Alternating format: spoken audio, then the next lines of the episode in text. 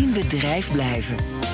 Ja, de overheid wil niet twee, nee, ze wil drie apps inzetten om de gevolgen van het coronavirus te beperken. Een model voor de derde type app is nu ontwikkeld door de Dutch Blockchain Coalition. Daar gaan we over praten met Maarten Bouwhuis. Maarten, goedemorgen.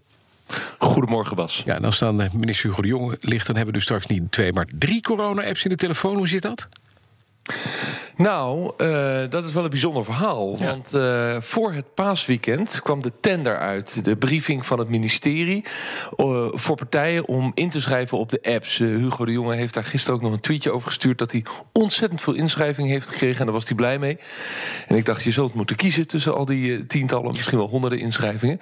Maar goed, wat zijn die apps? De eerste app gaat over het traceren van besmettingen. Waar ben je geweest? Dat is die insteek waar heel veel discussie al over is geweest. Um, die tweede app gaat over het melden van gezondheidsklachten. Delen met je arts. Eigenlijk is dat er al wel een beetje zoals Lusky, waar we al eens over gesproken hebben. Die app die, me, die voor het OVG is ontwikkeld. Mm -hmm. um, en de derde app stond uh, voor het weekend in één keer in de tender. Ja. Is een app die moet helpen in de transitiestrategie. Huh? En dat is Haagse taal voor de exit ja. uit deze lockdown-wereld. Okay. We gaan weer naar gewoon toe. Oké, okay. nou, precies. Dan? Gisteren om 12 uur hebben ze dan die tender ingediend. Ja. Dus al die partijen hebben gisteren bij VWS... Nou, die hebben dus het hele paasweekend doorgewerkt. Mm -hmm. um, en daar is dan ingezet op blockchain. En de app is de Unlock app. En dat is dus een app gericht op die transitiestrategie. Ik heb mm-hmm. gesproken met uh, Peter Verkoelen. Hij is voorzitter van de Dutch Blockchain Coalition. En daar zitten partijen in als de Rabobank, IBM, EY, TNO, uh, Universiteit Delft, Leiden. Echt grote clubs. Maar ook blockchain-bedrijven uiteraard, zoals Ledger Leopard. En die hebben dus een app gemaakt... zodat uiteindelijk Nederland ook weer open kan. Bij ons gaat het erom dat je mensen op een privacyvriendelijke manier uh, wilt laten bewijzen, onomstotelijk, dat ze nou, wel of niet een positieve test op uh, corona hebben of straks gevaccineerd zijn. En op basis van dat soort credentials, zoals dat dan heet, kunnen ze dan bijvoorbeeld toegang krijgen tot een verpleeghuis of een fabriek in of een school in. Dus het gaat echt over de toegang van mensen tot nou, gebouwen, faciliteiten op een privacyvriendelijke manier. Ja, en dat is dus wel uniek, want dat doen ze met behulp van blockchain. Leg eens uit.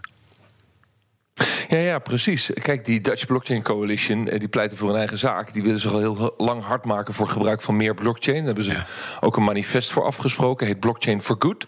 Oftewel inzetten voor het grotere geheel, voor het goede doel. Dit is ook een non-profit initiatief.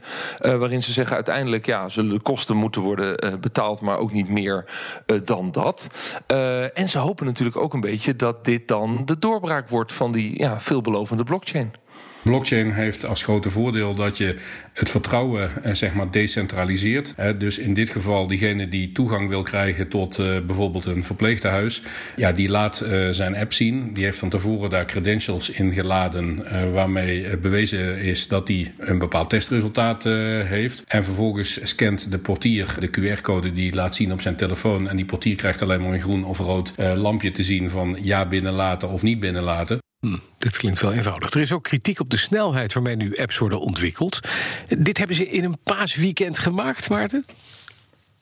Ja, precies. Ja. Daar moest ik ook aan denken. Gisteren had je Kees Verhoeven nog in de uitzending... Ja. die zich daar druk over maakte. En dat klopt. En hij vertelde zelf dat hij uh, weliswaar drie uurtjes heeft gefietst... in het mooie weer, in zijn eentje. Maar verder hebben ze met een hele grote club alleen maar gewerkt. Um, en Peter Verkoelen zegt eigenlijk... dat hij um, dat probleem van de snelheid niet zo ziet in deze. Ik denk overigens dat het heel goed is dat ze dat zo snel doen. Er is nu ook wat onrust over, gaat het allemaal niet een beetje te snel. Eh, maar door het zo snel te doen, krijg je vanzelf het effect, zoals dat bij ons het geval is, dat als er oplossingen uh, aangeboden worden die er al zijn, of die er in de basis al zijn, en partijen die al met elkaar samenwerken, ja, dan kun je dat in een paasweekend inderdaad uh, voor elkaar boksen om dat antwoord te krijgen. En dat zou juist het vertrouwen moeten geven dat we ook goede voorstellen krijgen in, in zo'n proces. Duidelijk, dat zei Peter Verkoelen, voorzitter van de Dutch Blockchain Coalition over de app Unlock. Een van de drie apps uh, die uh, de minister heeft voorgesteld. En dit zou de app zijn die gebruikt moet worden bij het opengaan van Nederland. Dankjewel, Maarten Bouwhuis. Tot morgen.